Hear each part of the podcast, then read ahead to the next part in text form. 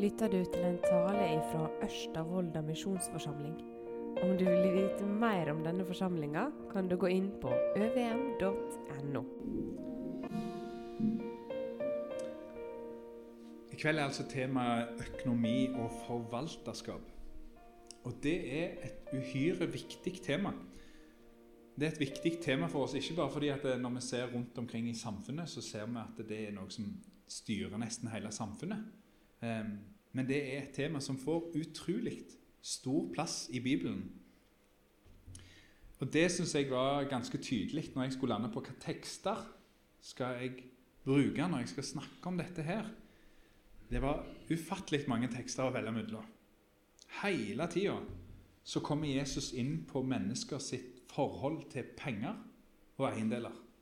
Hele tida. Jesus han er interessert i hvordan du håndtere og forvalte din privatøkonomi. Tanken min for denne kvelden er ikke at vi skal ta en av disse tekstene og altså dukke djupt inn i den, men at vi heller skal se på bredden av noen av disse tekstene, og så prøve å få et helhetsbilde av hva, hva er Guds holdning til vår økonomi. Så håper jeg at det kan hjelpe oss til å søke Han i dette personlige emnet. Vi kan si at vi skal ha fire spørsmål som vi skal ta for oss. Um, vi skal først se på Guds to hensikter. Og så skal vi stille spørsmålet er det, er det greit å, å eie ting i det hele tatt. Og så det tredje spørsmålet er er det materielle er det nøytralt. Og det siste spørsmålet hva er det egentlig å forvalte? Så det her har dere en gang i hva vi skal gjennom. Å si at det bare er to hensikter med at Gud vil at vi skal ta økonomien vår og komme innenfor Gud, det er kanskje å forenkle ting litt. Men allikevel så tror jeg at vi kan se for oss to hovedhensikter med å gjøre det. Den, den første den, den handler om hjertet ditt. Gud han vet at eh, hjertet ditt det er som et sånn et klebrikt stoff som fester seg til ting. Han har skapt det sånn, sånn at hjertet vårt det kan feste seg til andre ting. At det søker utover seg sjøl. Vi leter etter relasjoner. Vi leter etter fred. Vi leter etter glede. Hjertet vårt er stadig på leit jeg bruker av og til å sitere kirkefaderen Augustin på et sitat som han har. og Det skal jeg fortsette å gjøre, for jeg syns det treffer erfaringen vår veldig godt. For du har skapt oss til deg, og vårt hjerte er urolig inntil det finner hvile i deg. Gud han vet at hjertet vårt det er det leide og leide, og så klynger det seg til så mange ting. Ting som forgår, ting som svikter, som sviker, og som ikke gir oss det som vi egentlig håper på. Og i verste fall så ligger det mennesker skadelidende bak oss, mens vi har jakta etter dette som hjertet vårt ville ha. For vi har brukt vår tid og våre krefter på å oppnå noe som vi trodde egentlig kom til å gi oss det vi lengter etter. Derfor finner vi dette verset i ordspråkene, denne boka i Bibelen som er så full av livsvisdom. Ta vare på hjertet ditt framfor alt, for livet går ut fra det. Og En av de tingene som kan oppta vårt hjerte og vårt ønske og vårt behov, det er penger og ting. Det er noe som hjertet vårt kleber seg til. Og så vil Jesus beskytte oss og lede oss inn på en vei der disse tingene ikke okkuperer vårt hjerte og ødelegger oss. Den andre hensikten som, som, Gud har med at vi skal komme inn for Han med økonomien vår, den, den, handler veldig lite om deg. Den handler lite om meg. Den handler om din neste. Vi lever i Guds verden. Det er Han som har skapt denne her. Og da, når han skapte denne verden, så hadde han en tanke om hvordan skal det være å leve her. Og da tenkte han ikke bare på deg. På to bud hviler hele lova og profetene, leser vi. Det er to søyler som alle andre bud går ut ifra. Det er at vi skal elske Gud av hele vårt hjerte og sjel og med hele vår forstand. Og det andre budet er at vi skal elske nesten vår som oss sjøl.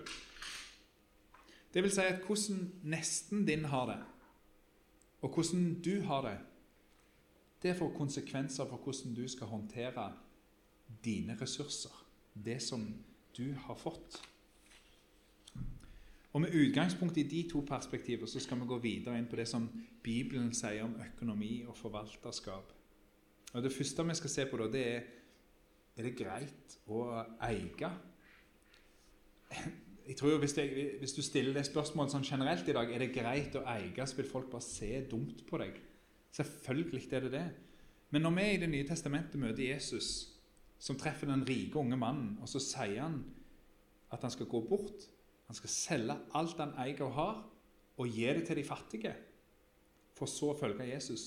Da kan vi ende opp med spørsmålet er det egentlig, er det egentlig greit å eie i det hele tatt når vi møter Jesus sånn. Kanskje så kan vi si at smerten kommer enda tettere på når vi ser andre mennesker som ikke har nåla i veggen. De har ingenting. De er fattige. Og så lir de. Er det rett av meg og deg å eie ting da? Og Da mener jeg at Bibelen sitt svar på det spørsmålet det er ja. Det er rett at du eier. Det er rett at du har en økonomi som du skal forvalte. Om du skal eie alt det du har nå, eller om du skal bruke så mye som du bruker på deg sjøl og dine nå, det er et annet spørsmål. Men om Gud ikke konkret utfordrer deg til å oppgi alt, så er det rett at vi eier. Da skal vi eie. Det er nemlig sånn at Gud har skapt denne fysiske verdenen. Han har skapt den virkeligheten som vi lever i, og han skapte det sånn, med materielle ting. Og så har han gitt oss en kreativitet som gjør at vi òg skaper ting vi utvikler redskaper som vi bruker for å brødfø oss. En gang i tida var det noen som fant opp plogen. Da var det greit at de eikte denne plogen. Da de bruker den til å forvalte denne jorda. Så det er ikke sikkert du bruker å pløye jorda. Kanskje gjør du det. Men kanskje setter du deg i en bil og så kjører du til jobb, og så forvalter du òg det som du har fått. Derfor er det rett av oss å eie. Gud har skapt oss til å leve i en fysisk og materiell verden. Og for at den skal gå rundt, så trengs det en økonomi. Og Det betyr at du òg må ha en.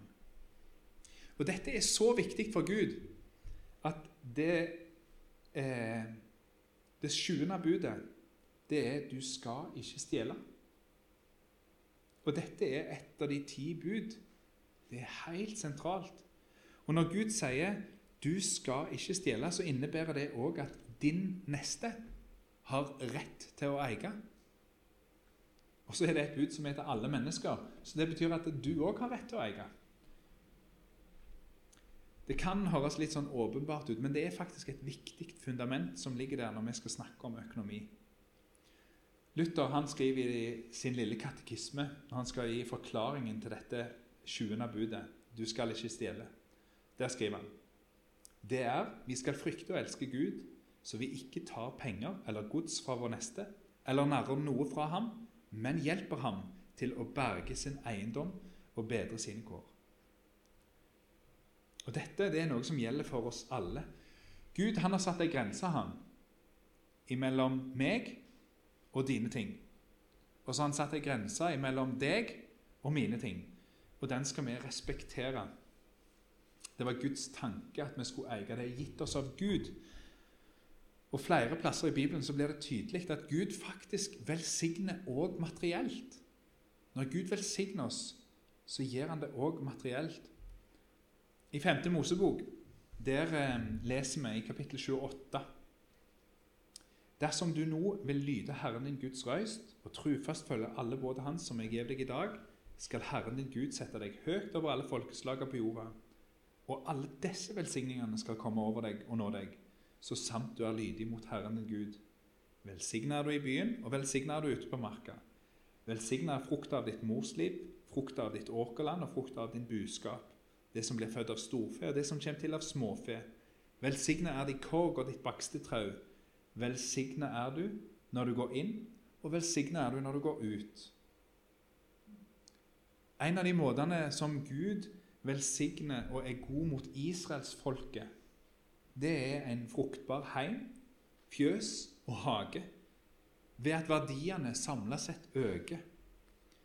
Vi finner det kanskje mest eksplisitt formulert i Forkynneren.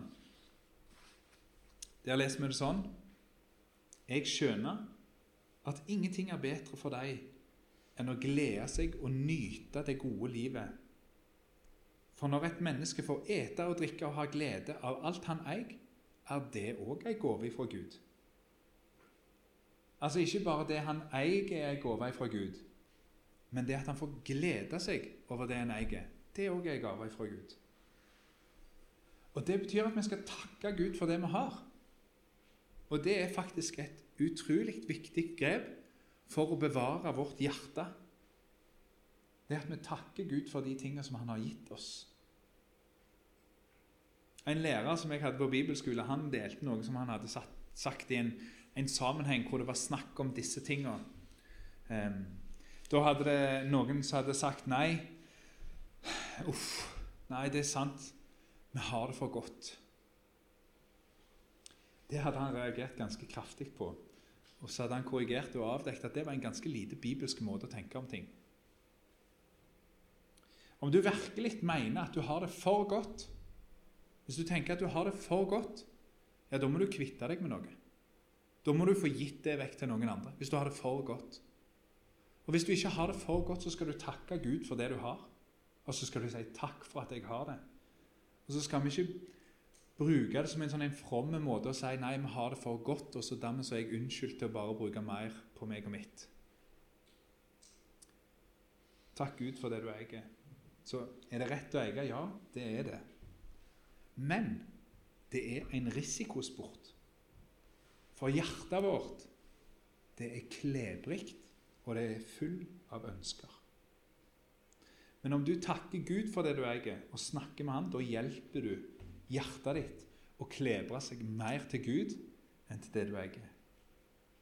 For vi må spørre oss er dette materielle. Er det materielle? Er det nøytralt?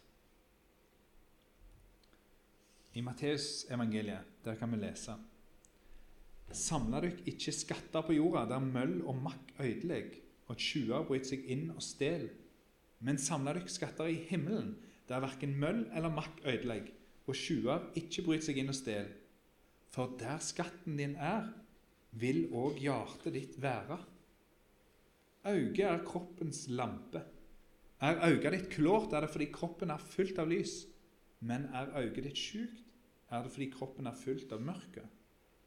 Er nå lyset i deg mørket? Hvor djupt blir ikke mørket da? Ingen kan tjene to herrer. Han vil hate den ene og elske den andre, eller holde seg til den ene og vanvørde den andre. Det kan ikke tjene både Gud og mammon. Ikke sikkert alle har oppdaget den, men det er kanskje noen av dere som stusser litt på den bronsefiguren som er på, på, bildet her. Vi hadde akkurat arva en stor, en stor kasse med Lego. Og eh, Jakob og jeg, skal jeg innrømme, var på skattejakt og begynte å lete gjennom denne legoen og tenkte hva, hva kan vi bygge av dette her? Og glede oss. Og så plutselig så utbryter Jakob. Nei! Pappa, se! En avgud! og så holdt han for å skrekke opp denne bronsefiguren her. Altså Jeg er jo glad at han har et engasjement for at vi ikke skal ha avguder i hus. Men hvis han tenker at det er kun disse tingene som er smidd av bronse eller spikka av tre eller lignende, da kan jeg bli litt for bekymra. For en avgud det er ikke bare noe det som du kaster deg ned for i et tempel eller en statue. Men det er det som hjertet ditt klebrer seg til. En pastor som jeg har lytta til en del de siste ti åra, særlig mens jeg studerte, han utfordra meg ganske kraftig på dette her. Og så avdekker han at hjertet mitt er sånn. Hjertet mitt er sånn at det får avguder. I en tale så sier han hvis det er noe i livet ditt som du tenker Hvis jeg bare får det Hvis jeg bare får det, da Da blir jeg lykkelig. Hvis jeg bare får det Hvis det ikke er Jesus Kristus og livet med Han, da har du avdekket en avgud. Det er noe av dette som Jesus advarer mot her i Matteus. Samla dere ikke skatter på jorda. Disse varer ikke evig. Men samla dere skatter i himmelen. De er evige. Fordi der skatten din er, der er hjertet ditt òg. Til avslutning her i disse versene så sier han at det ikke er mulig å tjene to herrer. En av dem vil bli prioritert. Den ene vil få oppmerksomheten din, tida di, kreftene dine. Hvor er det du bruker tida di? Er det for å tjene penger? Er det for å skaffe deg flere ting?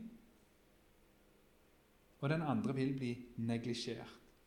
For du kan ikke tjene både Gud og mammon. Mammon, det begrepet der, det er rikdom eller eiendom som, som på en måte er personifisert som en sånn personlig størrelse. Og Det kommer fra et arameisk ord som, som eh, heter aman. Og det ordet der, det betyr 'det du har din lit til'. Det du har din lit til. Hva er det du har din lit til? Her er det en gyllen mulighet til å prøve seg sjøl. Tjener du Gud som Herre for å oppnå rikdom, trygghet og velstand? Eller benytter du deg av din rikdom, din trygghet og din velstand til å tjene Gud? Hva er det som er endemålet? Er det Gud, eller er det eiendeler? Dette er noe som vi må snakke med Gud om. Kanskje skal du gjøre det. Helt konkret. Kanskje skal du gjøre det nå, her i kveld, der du sitter. Gud, hva vil du at jeg skal gjøre med det som jeg eier? Hva er det du stoler mest på? Er det at lønna eller stipendet kommer inn, eller at pensjonen kommer inn på konto? At du har en trygghet i et hus som er nedbetalt? Eller har du lagt livet ditt og tryggheten din i Guds hender? Det ene, det kan svikte. Det har mange av oss erfart i denne pandemien som vi er midt oppi. Det ene er svikefullt. Du kan ikke stole på det. Gud, han gjør det aldri. Når Gud sine velsignelser når det han gir som gaver, har blitt det som hjertet ditt klynger seg til, da har de fått en annen plass i livet ditt enn det de skulle ha. Da har de blitt mammon. Det du setter din lit til. Og du kan ikke tjene begge to. Det går ikke. Er det materielle nøytralt? Jeg er kanskje tilbøyelig til å mene det, altså. At det materielle er nøytralt. Jeg tror det er misforstått når vi sier at penger er roten til alt ondt. For det var ikke det Paulus sa. At penger er roten til alt ondt. Nei. Kjærlighet til penger, det er roten til alt ondt. Sånn var det Paulus sa det. For hjertet vårt, det er ikke nøytralt. Hjertene våre er fulle av bedrag. Hvis jeg bare har en ny bil, da, da kan jeg senke skuldrene mine. Hvis jeg bare hadde hatt et nytt hus, da kunne jeg vært glad. Jeg vet ikke om det er relevant for så mange her, men hvis jeg bare har den siste PlayStation, da er jeg happy. Da er det gode greier. Hvis jeg bare hadde visst at jeg aldri gikk tom for penger og slapp å uroe meg for det, da kunne jeg vært trygg. Og så peiles livet, handlingene våre, inn på disse tingene. Og så erfarer vi at eh, livet ble ikke perfekt når du kom deg inn i nytt hus. Det var kjekt, altså. Det var bra. Men det, det var ikke den store løsninga. Alle biler ruster, bremsene går sunt. Eh, katalysatorer Det er så mange ting jeg kan nevne nå. Jeg har litt sånn agg imot biler, da. Men, men eh, det svikter. Båten den ga meg ikke det jeg trengte. Tennene ble gule igjen, og livet det trengte noe mer enn gods og gull. Det du trenger, det er Gud. Det er det hjertet ditt lengter etter. Dette er en av de tekstene som sier noe om at hjertet vårt det kan klebre seg til feil ting. Det er én av de tekstene. Vi kunne lest om den rike unge mannen. Vi kunne lest om han som var så fornøyd med avlingen. Han har fått en så stor avling at nå skulle han lene seg tilbake skulle han leve, le, leve livets glade dager. Og så dør han samme kvelden. Avlingen hjalp ingenting. Vi kunne lest om kamelen og nåløyet osv. osv. Jesus han vil lære oss noe her. Ta vare på hjertet ditt. Og Så kan vi spørre oss, da, hvis det materielle som i utgangspunktet er nøytralt, har den effekten på vårt bedrageriske hjerte, hvorfor i all verden har da Gud gitt oss dette sjuende budet? Hvorfor velsigner Gud oss gjennom materielle goder? Hvorfor har Han gitt oss dette skapte? Jo, fordi kjærlighet, det er konkret. Nestekjærlighet, det er fysisk. Det å tjene Gud, det er mer enn gode følelser. Det er handling, og det er forflytting av ressurser. Du kan sette Gud på den plassen som han skal ha, ved å flytte disse tingene som hjertene, hjertet ditt klebrer seg til, til noen andre. Og når du gjør det, da lærer du å elske Gud og nesten din på en så konkret måte. Hva er det å forvalte er minne på da? Og Da har jeg lyst til å begynne med noen ord som døperen Johannes sier. Døperen Johannes han har stått fram som en profet, og så leder han mennesker til dåp. En dåp til syndenes forlatelse og omvendelse til et nytt liv med Gud. Og så advarer han de som ser ut til å være mest gira på frelse, men akkurat dette med etterfølgelse, det sitter litt mer inne. Og så sier han når de kommer og spør ja, ja, men hva vil du vi skal gjøre, da? Så svarer han den som har to kjortler, skal dele med den som ingen har. Og den som har mat, skal gjøre det samme. Det kom òg noen tollere og ville bli døypte.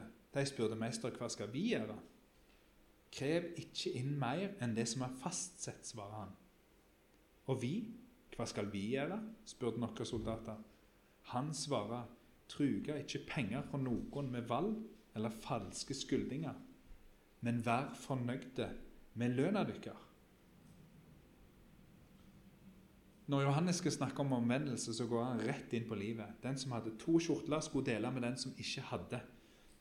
De som sto i posisjon til å kunne bli rike ved å ta seg for godt betalt, de skulle ikke gjøre det. Og de som hadde makt og myndighet, de skulle ikke misbruke denne makta og myndigheten for å skaffe seg penger. Men de skulle være fornøyde med lønna si. Her er det egentlig tre ting som blir sagt. Del det du har, med de som ikke har det. To, ikke fjusk eller ta deg for godt betalt. Tre, vær fornøyd. Og Gjennom å gjøre dette så viser du hvor hjertet ditt er, og du plasserer òg hjertet ditt der. Fordi det er Guds rike verdier som får prege deg. Se, da. Barmhjertighet. Det er sannhet. Og det er nøysomhet.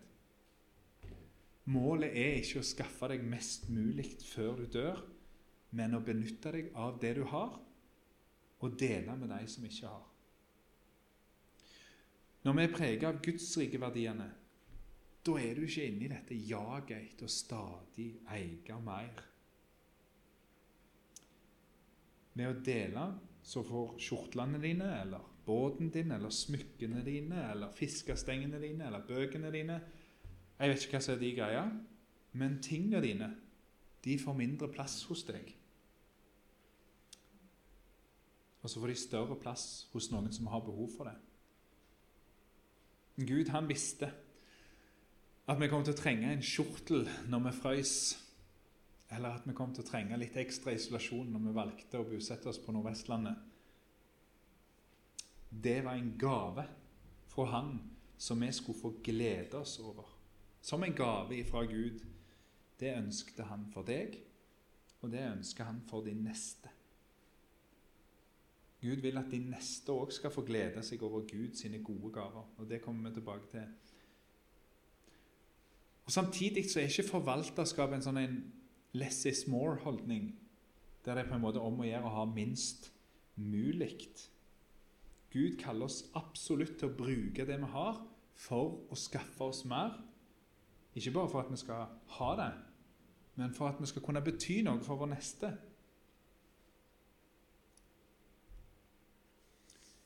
I Matteus 25 der leser vi om talentene. Og Denne teksten den sier oss noe om det. Jeg skal ikke lese den. Men Der leser vi om tre tjenere som fikk fem, to og én talent.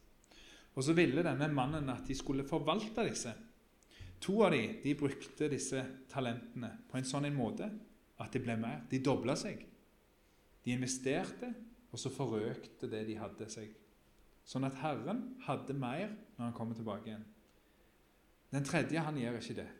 Han graver det ned i frykt, og han får kraftig korreks for det. Da burde han i det minste ha satt det i banken og fått renter på det. Gud han lærer oss at vi skal jobbe, vi skal skape, vi skal utvikle og vi skal forøke. Han har lært oss at vi skal ikke sløse, men vi skal forvalte og få mest mulig ut av det som vi har. Til glede for oss og velsignelse for andre og til lovprisning av Gud, faktisk. I 2. Korinterbrev, kapittel 9 Jeg skal ikke lese hele den teksten der heller. Men hvis dere vil lese litt mer om det, om økonomi og forvalterskap, så les 2. Korinterbrev, kapittel 9 når dere kommer hjem. Der leser vi om gaven som korintermenigheten skulle gi til de fattige i Jerusalem. Og her er det noe med ting å lære. Vi skal gi av et villig hjerte, ikke av ulyst og tvang. Fordi Gud elsker en glad giver, står det. Så står det at Gud han vil forsørge oss når vi gir. Vi skal få alt det vi trenger. Ja, overflod til god gjerning. Det betyr ikke nødvendigvis at du får ti kjortler, hvis du forstår hva jeg mener. Gud han er den som gir. Det er han vi har fått alt ifra. Så når vi gir, så gir vi egentlig bare videre fra det som vi har fått fra han først. Og Det siste som jeg har lyst til å ta med meg fra denne teksten her, det er det at når vi gir, da er det ikke for å få status eller et godt rykte sjøl. Nei, når vi gir, da er det for at Gud skal bli æra og takka for det. Det står at det, det utløser lovprisning når de gir ei gave. Tenk det. At når du deler ditt, så kan det føre til at noen sier 'takk, Gud'. Når du gir av ditt, så er det noen som sier 'jeg hadde ikke', og nå har jeg fått'. Takk, Gud. Det er stort å få være med på. Det er ufattelig mye å si om dette temaet. Jeg skal ikke si så mye mer, men jeg vil gjerne avslutte med to veldig konkrete råd. Kanskje er det lenge siden du har tenkt over dette her med givertjeneste eller økonomien din. Kanskje har du aldri gjort det. Hvis du skal begynne med det, så vil jeg utfordre deg på to konkrete ting. Det første det er snakk med Gud. Og det andre, det er å gi tiende.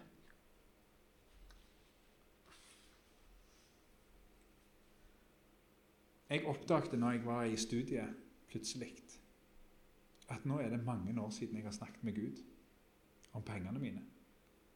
Da hadde det gått ganske lang tid før jeg plutselig satt i en situasjon der jeg, var, der jeg begynte å lure litt på hvordan jeg kom til å få økonomien til å gå i hop. Jeg var ikke redd, men da oppdaget jeg dette har jeg ikke snakket med Gud om. Det er fort gjort for oss å glemme å snakke med han om det. Snakk med Gud om inntekta di, om tinga dine. Inviter Han inn til å lede deg til å forvalte det du har. Se i Bibelen, i Guds ord, hva gudsrikeverdiene sier, og hva Han leder deg til å gi. Det er det ene. Og det andre, det er gi tiende. Gi 10% av alt du tjener. Få det vekk fra deg. Det å gi tiende, det er som ei brekkstang som åpner opp for giverglede. Det er ikke en sånn en du skal. Det sier ikke Gud. Han vil at vi skal gi av velvilje. Så kan det være at du må øve deg litt, men gi tiende. Det åpner Det åpner opp en giverglede. Hvor du gir det, det skal ikke jeg legge meg opp i. Om du gir det til Åpne dører, til Israelsmisjonen, til NLM, til KFK, KFUM. Hvor du velger å gi dine gaver. Men les her. Se i Bibelen. Se hva er det Gud kaller meg til å gi til. Og gi 10% av det du tjener. Gir det i ett år, så tror jeg du vil erfare at Gud lærer deg noe. Det ene er at du faktisk klarer deg veldig fint uten de 10% der. Og det andre er at du får et mer avslappa forhold til resten av pengene dine. Og så får du en anledning til å tjene de neste med glede. Det er stort. Det er to konkrete råd. Og til slutt så er det på en måte ja, fundamentet. Du har fått alt. Alt har du fått. Se på han. I Filipperbrevet, kapittel 2, og vers 5-11, der står det Lat det samme sinnlaget være i dykk, som òg var i Kristus Jesus. Han var i Guds skapnad og så det ikke som et rov å være Gud lik, men ga avkall på sitt eget, tok en tjeners skapnad og ble menneskelig. Da han sto fram som menneske, fornedra han seg sjøl og ble lydig til døden, ja, døden på krossen. Det gjorde han for deg. Det ga han for deg. Frelse ubetinga kjærlighet, tilgivelse for synd, for ditt egenrådige hjerte, omsorg og barmhjertighet. Alt det gir han gratis. Sånn forvalter han sitt. Og det gjorde han for deg. Følg